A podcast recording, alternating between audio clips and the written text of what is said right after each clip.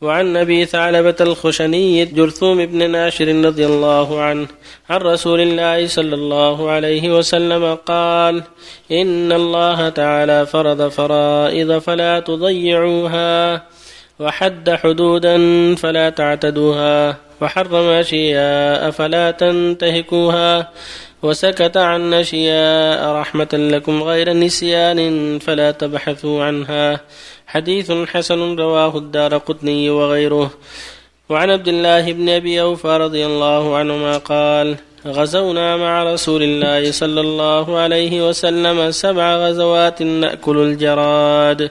وفي رواية نأكل معه الجراد. متفق عليه. وعن أبي هريرة رضي الله عنه أن النبي صلى الله عليه وسلم قال لا يلدغ المؤمن من جحر واحد مرتين. متفق عليه. وعنه رضي الله عنه قال قال رسول الله صلى الله عليه وسلم ثلاثة لا يكلمهم الله يوم القيامة ولا ينظر إليهم ولا يزكيهم ولهم عذاب أليم.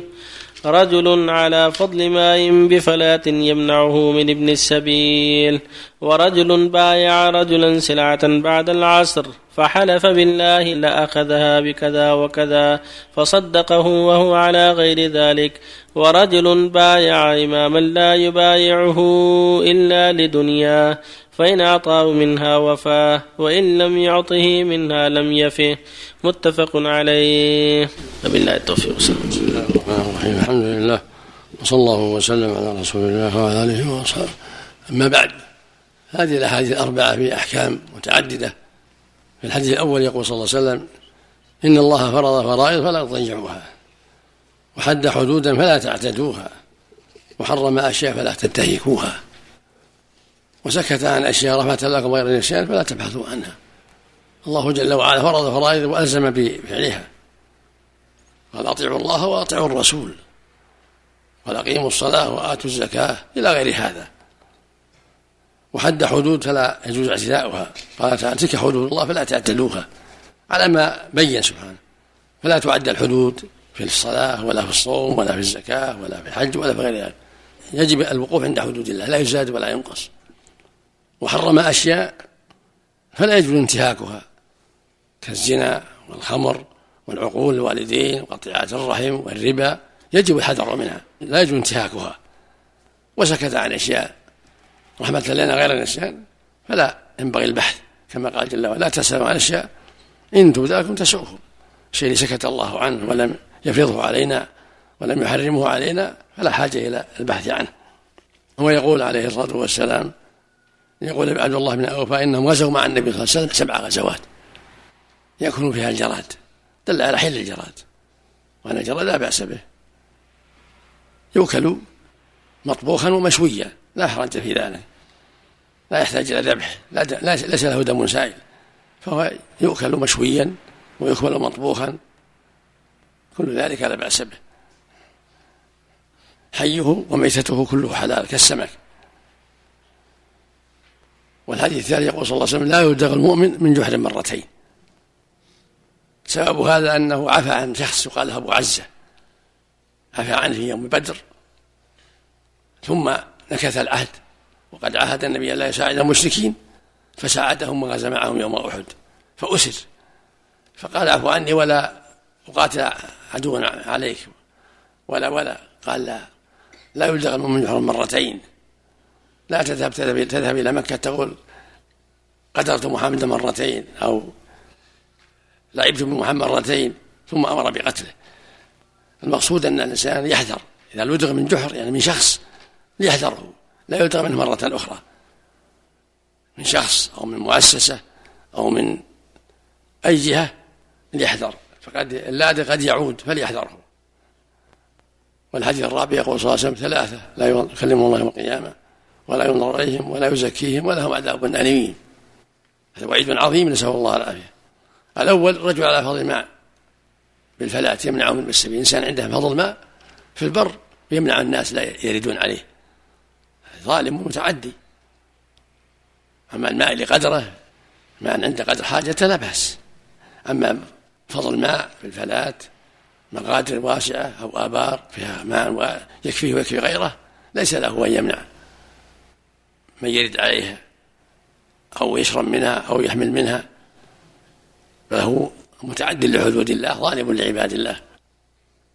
والثاني باع سلعة بعد العصر فحلف لأخذها أو أعطي بها كذا كذا وهو يكذب. هذا يفيد أن الأيمان بعد العصر عند ختام النهار أغلظ منها في وسط النهار. ومع هذا يحلف. والله إني سمعت بكذا. والله إني شردت بكذا وهو يكذب. نسأل الله العافية. يمين غموس نعوذ بالله. وإن كانت اليمين غموس مطلقة محرمة دائما في كل وقت والكذب دائم لكن إذا كان بعد العصر ويحلف يكون أشد نسأل الله العافية.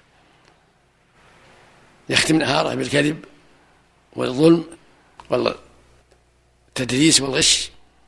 والثالث يبايع إمام لا يبايع إلا الدنيا ما يبايعه لإقامة الحق ونصر الدين وحقن الدماء واستباب الأمن لا يبايعه إذا أعطاه شيء وما أعطاه خان ونقض العهد هذا أيضا من الأشخاص الذين لمهم الله وعابهم وتوعدهم بهذا الوعيد. لأنه ليس من أهل الإصلاح بل من أهل الإفساد والخيانة. نسأل الله العافية. وفق الله. نعم لا بأس. رواه الدار الإنسان حسن. لكن الأفضل أحسن الله إليك في المصلى القريب الخاص بالاستسقاء أم مصلى الذي وضعه ولي الأمر؟ المتيسر اللي أرفق بالناس. اللي هو أرفق بالناس وإذا كان في مصلى معد صلى فيه. أحسن الله عليك. اليمين الغموس يكون خاص بس بالتجارة أحسن الله عليك. اليمين الغموس الكاذبة يعني اللي فيها مضره على أحد. يعرفها بعضهم بالغميس ولكن بالكاذبة ولكن فيها النبي صلى الله عليه وسلم عرفها بأنها هي التي يقتطع بها مال من بغير حق. يقتطع بها حق أخيه بغير حق. وإذا كان كاذب مطلقا فهو على كل مذموم إلا لعلة شرعية. ليست خاصة بالتجارة منها. لا من الغمس الكاذبة التي يضر بها أحد. أما إذا كان لمصلحة شرعية وتأويل هذا شيء آخر.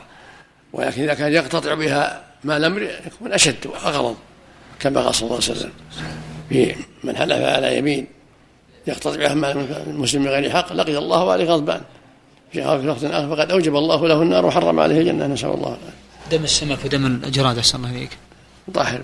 السمك طاهر ودم طاهر كل شيء. ما دم الناس عن دم يسير. آه نعم إذا قلب الرجل رداء في صلاة الاستسقاء يا شيخ. أفضل سنة. متى يعدل يا شيخ؟ ذكر كيف القرآن يعدل مع ثياب إذا خلع فيها إذا وصل بيته يعدل. يصنع له آثار الاستسقاء. يعني المكان اللي هو ذهب له يحسن الله إليك. شيء أقول إذا كان مثلا سواء ذهب إلى العمل أو إلى البيت. اي أي مكان. إلى المكان اللي, اللي أراد إنه يذهب له. نعم نعم. حتى يرى على إثار الاستسقاء. أحسن الله عمل اللي ما عليه مشلح الله يحسن عملك يقلب غترته نعم. اللي ما عليه الغطرة تسد. الغطرة مثل الرداء. الغطرة. مثل الرداء. الرداء الكثيف وهي على الرأس. أفضل أفضل.